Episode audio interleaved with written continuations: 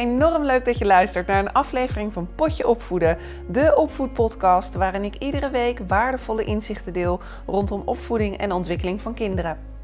Mijn naam is Joyce Blauwhof. Ik ben gezinspedagoog, trainer en spreker. En ik neem ouders en pedagogisch professionals mee in de zoektocht en de avonturen rondom opvoeden. Dit is jouw wekelijkse inspiratie en steuntje in de rug, de Potje Opvoeden podcast.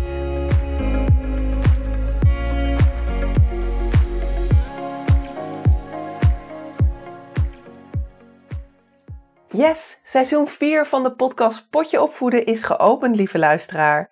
Ik heb een ontzettend lekkere zomervakantie gehad en heb echt weer zin om aan de slag te gaan. En ik doe de aftrap met deze eerste aflevering van het nieuwe seizoen. Dit seizoen staat in het teken van knaplastig gedrag van kinderen.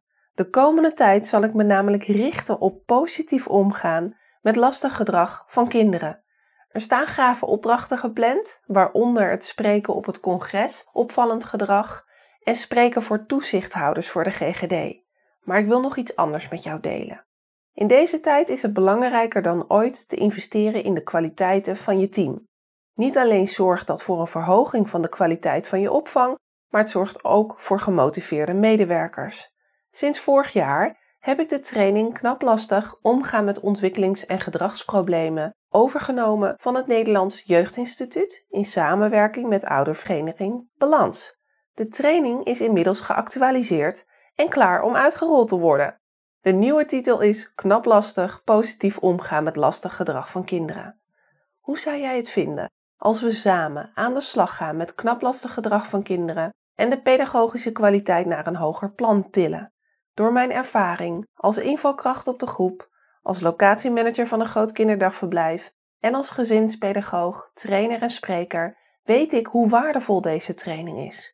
Pedagogisch medewerkers en coaches ervaren na het volgen van deze training meer zelfvertrouwen in het begeleiden van kinderen met lastig gedrag.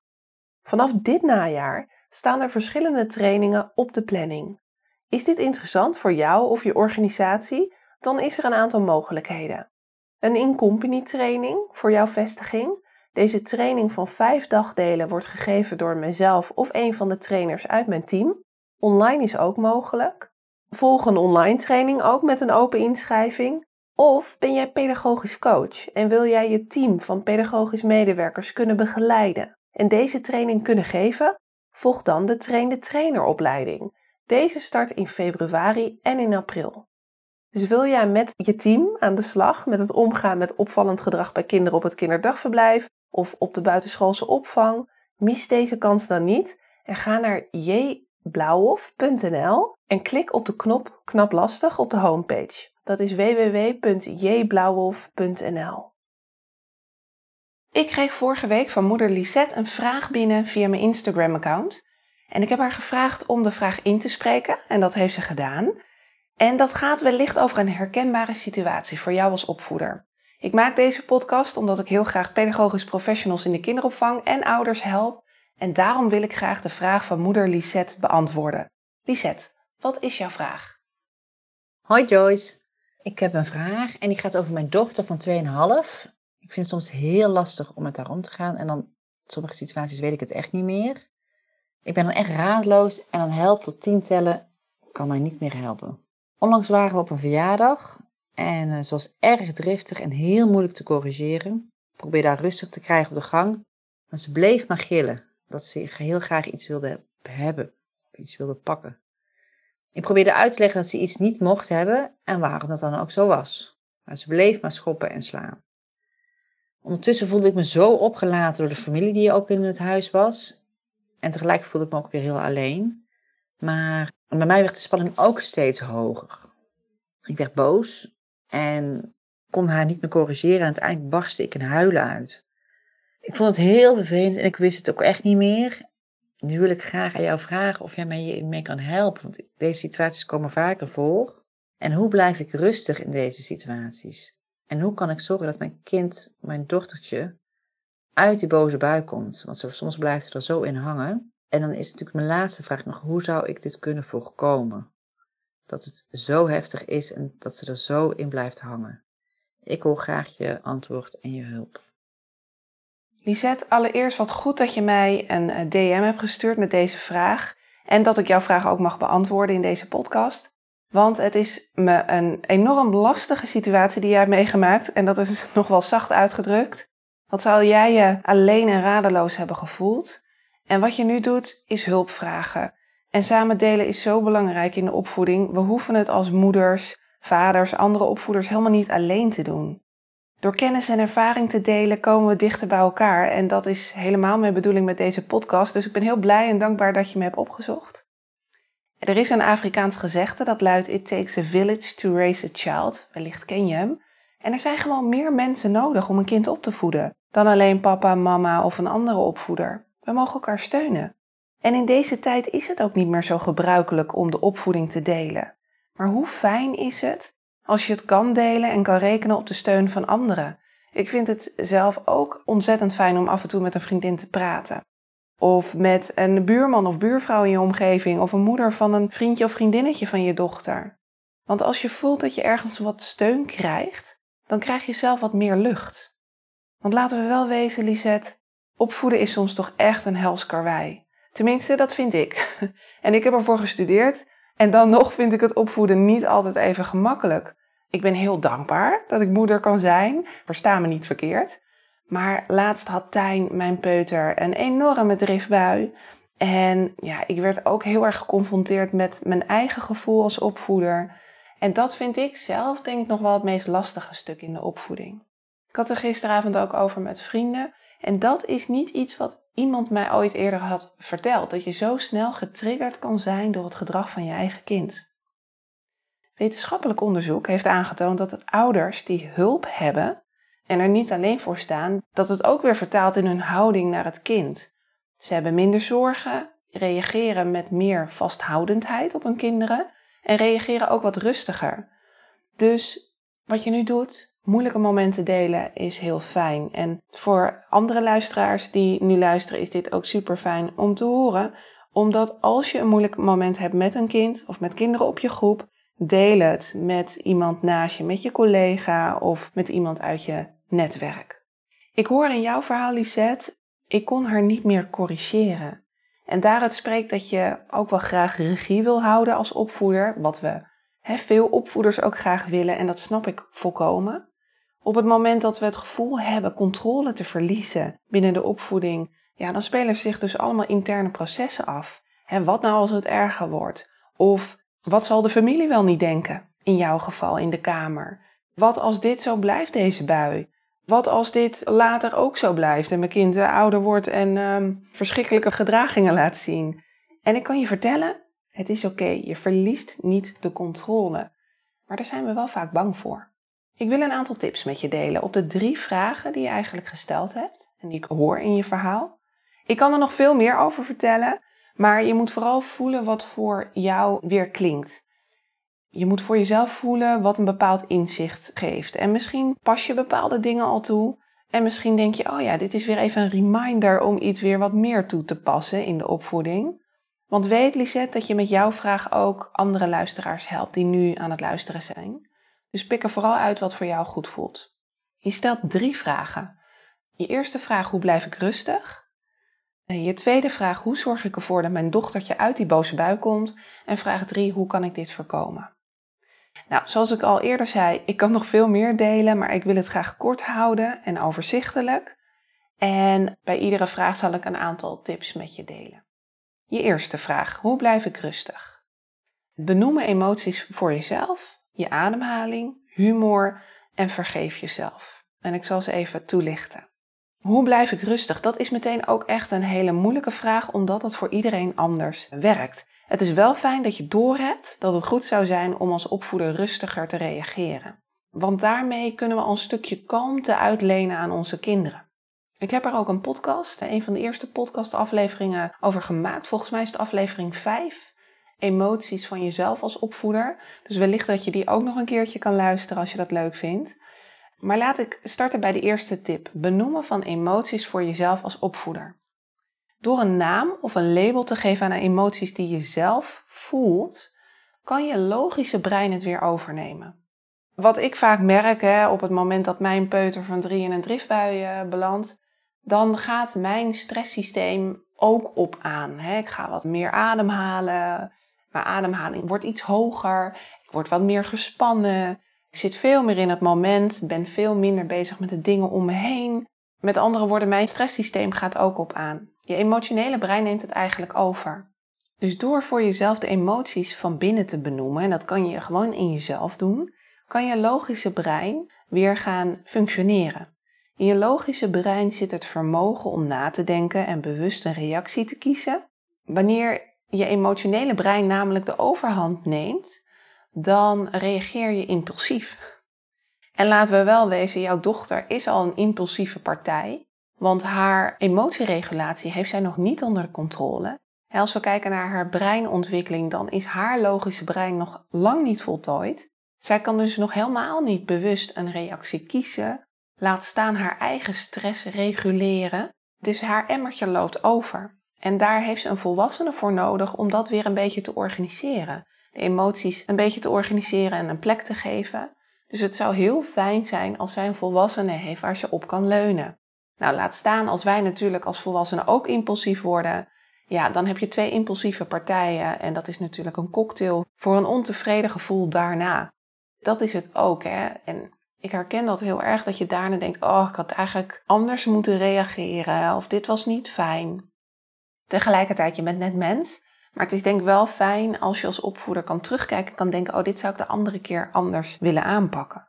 Maar op het moment, Lisette, dat jij voor jezelf emoties benoemt, dan helpt het jou om rustiger te reageren. Het blijkt namelijk uit onderzoek op het moment dat je uh, voor jezelf helder hebt wat voor emoties zich van binnen afspelen, dat je dan wat meer afstand kan nemen van je emotie. Dus dat kan dan helpen om wat rustiger te reageren. De andere tip is ademhaling. Waar hebben we invloed op? Dat is onze ademhaling. Vertragen. Op het moment dat wij inademen en onze uitademing kunnen we wat langer maken dan onze inademing, dan foppen we ons brein dat het rustig is of dat het veilig is eigenlijk de situatie. En dan kan jouw stresssysteem ook een beetje kalmeren. Dit is wel echt oefenen, oefenen, oefenen.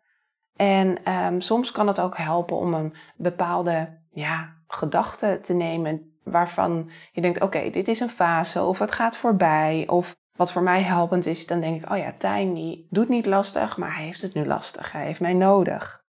En dat helpt me om in mijn houding, mijn stemgebruik wat anders te doen. Maar ook als het jou lukt om rustig te blijven, dan geef je het kind de boodschap: jouw emoties mogen er zijn, jij mag er zijn. Je hoeft het niet alleen op te lossen. Ik snap hem helemaal. Ik had de vorige week ook nog dat je geneigd bent om uit verbinding te gaan. Want je denkt, oh, ik heb hier zo geen zin in. En ook soms dat ik uit de situatie ga, omdat ik dan ook bang ben dat ik een reactie laat zien die helemaal niet passend is. Maar als het mij lukt om wel nabij te blijven en zijn emoties te benoemen en die uh, veilige volwassenen te zijn, dan geef ik hem natuurlijk wel, hè, en jij, jouw dochtertje van 2,5, de indruk: jij bent oké, je mag er zijn, we zijn een team, ik help je er doorheen. Voor later best wel handig, hè? Als ze natuurlijk ook gaat leren dat ze emoties niet alleen hoeft op te lossen. En dat ze niet verzandt in afleiding. Of als ik kijk naar mijn eigen opvoeding en hoe het voor mij is geweest. Ik heb zelf in een bepaalde tijd heel erg mijn vlucht ook gezocht in eten bijvoorbeeld, als puber. Op het moment dat jij het idee hebt dat je grote emoties alleen moet oplossen, dan kan het effect op latere leeftijd zijn dat je ook het idee hebt dat je dat alleen moet doen. Dus dan ben je ook minder snel geneigd om andere mensen in je omgeving in te schakelen. Terwijl daar juist dat gezonde gedrag zit. ik nam mijn toevlucht, tussen aanhalingstekens, veel al in eten, het troosten met veel eten, of dan soms weer niet eten, of weer wel eten. Nou, heeft het me ook doen inzien dat het juist nu zo belangrijk is dat ik mijn zoontje leer dat iedere emotie er mag zijn. Zijn boosheid, maar ook zijn angst bijvoorbeeld, zijn verdriet, maar ook zijn blijdschap. En dat is een emotie waar we vaak wel goed mee om kunnen gaan. Zorg ervoor dat je met je ademhaling werkt. Oefening baart kunst. Nou, humor, dat zou soms ook nog wel iets passend kunnen zijn, vooral als je op zo'n verjaardag bent. En ik snap het, het is super irritant hè, dat het gebeurt op een verjaardag. Dan denk ik ook wel eens, oh, kunnen we elkaar niet wat vaker een hart onder de riem steken? als volwassene, van je bent een goede opvoeder, je komt er doorheen. Wat soms ook helpt, is om het zelf maar gewoon te benoemen. Dus dan haal je iets van onderstroom naar bovenstroom. mij geeft dat ruimte. Twee weken geleden waren we bij de McDonald's en mijn zoontje die uh, wilde nog heel graag in dat uh, speeltoestel uh, buiten spelen. Maar meneer had daar andere ideeën over. Nou, voorbereid, je weet het hele pedagogische riedeltje toegepast. En toch ging hij precies op een plek staan waarvan hij wist, oh mama kan er nu niet bij. En toen dacht ik, ja, en nu doorpakken. Dan wil ik ergens toch ook overkomen van, ja, hè, regie pakken en, en we gaan naar huis toe. Dus uiteindelijk ik, ik dat toestel in. Tijn onder mijn arm nog hè, uitgelegd. Maar hij uh, had echt zijn zinnen erop gezet. Onder de arm, schreeuwend, huilend, uh, rood aangelopen kind meegenomen. En er waren mensen op de parkeerplaats die enorm schrokken. Er liepen een, een vrouw en een man voor mij. En die schrokken van zijn gegil en die keken achterom. Andere mensen bij de auto keken ook naar ons. En toen benoemde ik maar, toen zei ik, oké mensen, uh, ja, alles is oké. Deze jongen die wilde nog heel graag spelen, maar we gaan nu naar huis toe. Ja, dat is mijn manier, maar goed, dat moet ook wel bij je, bij je passen. En de laatste, Lisette, vergeef jezelf. Weet je, op het moment dat het niet lukt om rustig te reageren, accepteer ook dat dit soort situaties erbij horen in de opvoeding. Ik had vorige week een Instagram-post gemaakt Daarin werd gereageerd op hoe zit dat met jouw gemoedstoestand hè, tijdens buien van je kind. En 20% had aangegeven ik worstel hiermee. 70% had aangegeven soms lukt het wel, soms niet. En 10%, maar 10% zei het lukt mij altijd. Dus wees ook niet te hard voor jezelf als het even niet lukt om rustig te blijven. Het gaat er denk ik wel om dat je als moeder weer terug kan kijken en kan denken: oh, wat kan ik hiervan leren? Wat kan ik meenemen van deze ervaring wat zou ik misschien de volgende keer anders doen? Je tweede vraag. Hoe zorg ik ervoor dat mijn dochtertje uit die boze bui komt? Benoem emoties. Ga voor afstemming in plaats van onstemming. Erken emoties. En meer zwijgen en zoek naar oplossingen na de bui. En ik zal het even voor je toelichten. Nou, de eerste, en dat vermoed ik dat je dat wel veel hoort, het helpt om emoties te benoemen van je kind. Ga dan verder, is mijn tip, dan alleen maar benoemen: ik zie dat je verdrietig of ik zie dat je boos bent. Maar kijk of je echt die onderliggende laag kan pakken. Het is namelijk niet zomaar dat we dit moeten doen. sommige mensen zijn bang, hè, merk ik wel, zoals ik trainingen, masterclasses, webinars geef. Dat ze zeggen, ja, maar Joyce, dan wordt die emotie toch erger? Ja, dat klopt. En dan weet je, ik zit op het goede pad. Want als iemand, hè, als ik moet huilen en iemand zegt tegen mij, ik zie dat het je raakt, nou, dan ga ik. Alsof je dan toestemming krijgt van de ander ja, om te mogen huilen. Hè? Die ander ziet hoe moeilijk je het hebt en je mag je gevoelens ervaren. En dat is nou juist het punt. Kinderen leren dat emoties er zijn en dat het oké is. En het helpt om die stress te verlagen van kinderen. Dus uh, ook om dat welzijn weer te verhogen. Dus door die emoties te labelen, te organiseren voor je kind, kan het logische brein van kinderen het ook weer wat overnemen. In ieder geval kan het emotionele brein dan wat kalmeren. En dat helpt dus ook voor ons, hè? als volwassenen, door onze eigen emoties even in gedachten te benoemen. Benoem de onderliggende reden dus. Wat is de behoefte van jouw kind?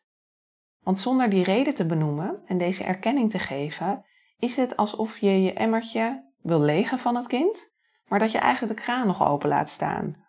Of dat het eigenlijk nog eh, keihard regent en dat emmertje nog eh, vol loopt. Dus die emotie die blijft geactiveerd als je niet echt de onderliggende reden benoemt. En dat kan zijn dat ze bijvoorbeeld heel erg druk vond hè, op de verjaardag. Uh, nou, ik heb het idee dat je het heel erg druk vond en dat er veel geluid is. Of je vond het vervelend dat ik geen aandacht voor je had omdat ik nog even aan het praten was met tante Danielle. Of het is ook wel echt heel veel voor je, zo met al die kindjes. En als dit niet werkt, Lisette, um, werk dan samen met je kind en laat het er gewoon even uit. kinderen op deze leeftijd kunnen hun emoties nog niet controleren.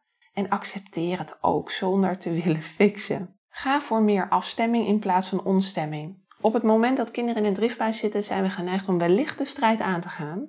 Dat is niet handig. vaak leidt dat helemaal niet tot de gedragsverandering die we willen zien bij kinderen. En dat leidt uiteindelijk tot twee partijen die ontevreden zijn. Beweeg dus een beetje mee. En dit betekent niet dat je haar gedrag moet goedkeuren. Want ik hoor ook in je verhaal, ik heb verteld wat ze niet mocht en dat uitgelegd. Even een zijpad, Lisette. Het helpt ook in het kinderbrein om juist ook te vertellen wat ze wel mag. We zoomen snel in op dingen die niet mogen. Uh, dus dan gaat haar brein ook op van ik mag dat niet. Maar kijk of het je lukt om een alternatief te geven. Wat mag zij wel? Dit betekent dus niet dat als we meeveren dat we haar gedrag goedkeuren, maar haar emoties mogen er zijn. Kijk echt dus even wat de behoefte is. Stem af op je kind. Ga op zoek naar een oplossing op het moment dat je kind zich echt, echt gehoord voelt. Want dan weet je, dan is die emotie eruit en dan wordt dat logische brein weer geactiveerd en kunnen je met elkaar samen op zoek naar een oplossing. En soms meer zwijgen. Ik merk zelf dat ik geneigd ben om best veel taal te gebruiken in een driftbuien. Soms helpt het ook om gewoon even niks te zeggen. En er gewoon nabij te zijn. Dus meer te zwijgen. En vooral geen oplossingen aan te dragen als hij in zo'n bui zit. Dus wederom zoek naar oplossingen als je kind gekalmeerd is en zich echt gehoord voelt. En soms ook de keuze maken van we gaan weg. Het is te veel. Het is veel te druk op deze verjaardag. En daarmee kom ik meteen op je derde vraag, Lisette. Hoe kan ik het voorkomen? Ik denk dat de eerste tip die ik wil geven is doseren. Eh, de andere is vooraf voorbereiden. En eh, de laatste is signalen oppikken en een steun zijn. Laat ik eerst bij dat doseren beginnen. De vraag is, we nemen onze kinderen altijd maar overal mee naartoe. Ik heb zelf ook soms geen zin, geen behoefte om anderen te zien. Alleen kunnen kinderen dat al aan ons laten weten. En natuurlijk, als je kind wat ouder is, dan krijgt het meer taal en meer vermogen om dat te kunnen uiten. Maar vooral met die jonge kinderen, we nemen ze altijd maar overal mee naartoe. Misschien was jouw dochtertje al meegeweest naar een drukke winkel in de ochtend. En dan is een verjaardag net even te veel. Denk dus ook aan het verwerken van prikkels. Want misschien is het voor haar al genoeg geweest als zij in de ochtend al wat heeft gedaan. Dus het doseren van prikkels is ook een goede om eens naar te kijken. En hoe kan je het voorkomen? Ja, wat helpt jouw kind om te ontspannen? Misschien helpt het haar om een knuffel mee te nemen.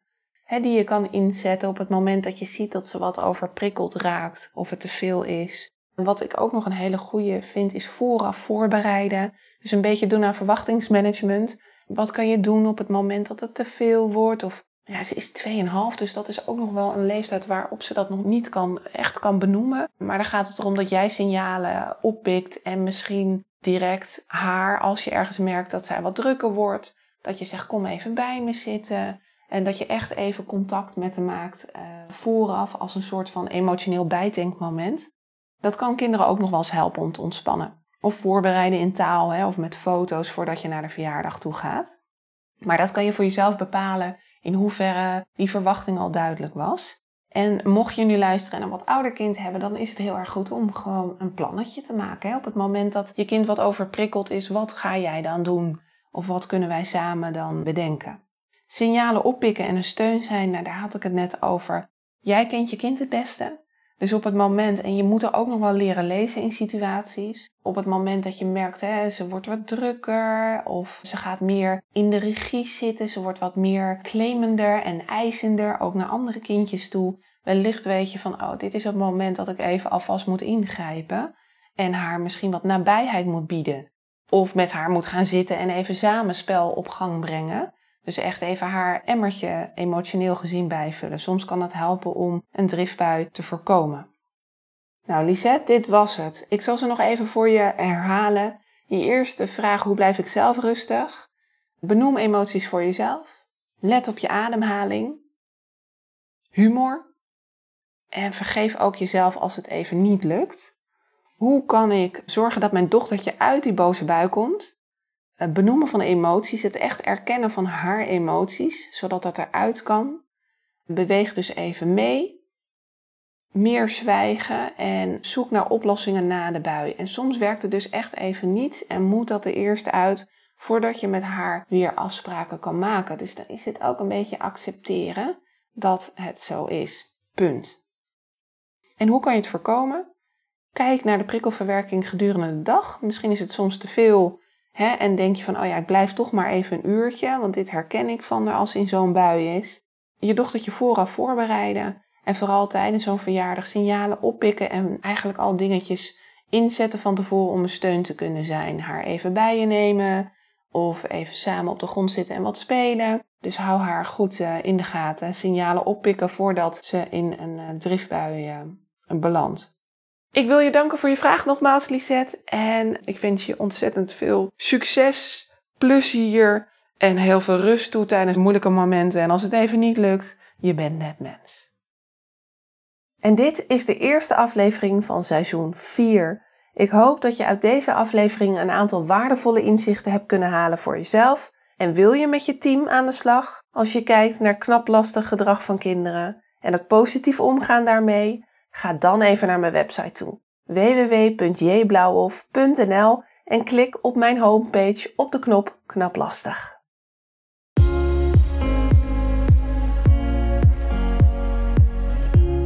Hey, wat ontzettend leuk dat je hebt geluisterd. Bedankt daarvoor.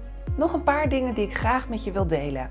Wil je alle afleveringen overzichtelijk onder elkaar? Abonneer je dan op deze podcast. Klik in jouw podcast-app op de button subscribe of abonneren en je ontvangt dan automatisch een berichtje als er een nieuwe aflevering online komt. Mijn missie is om zoveel mogelijk ouders en pedagogisch professionals te helpen bij het opvoeden van kinderen. En om mijn missie te bereiken, helpt het als jij een review wilt achterlaten via de app waarmee je deze podcast luistert. Ken je nou iemand voor wie deze aflevering interessant is? Dan zou het fijn zijn als je hem of haar deze aflevering doorstuurt, door bijvoorbeeld de link te kopiëren in Spotify. Ik zou het ook gaaf vinden als je een screenshot deelt als je deze podcast luistert en deelt via social media. Ik vind het altijd leuk om een berichtje van je te ontvangen. Om te horen wat je van deze podcast vindt en of je misschien zelf vragen of suggesties hebt. Stuur mij een berichtje via mijn website jblauwhof.nl. Dat is kleurblauw en hof met dubbel F. jblauwhof.nl of via mijn Instagram pagina Joyce Blauwhof. Tot de volgende aflevering.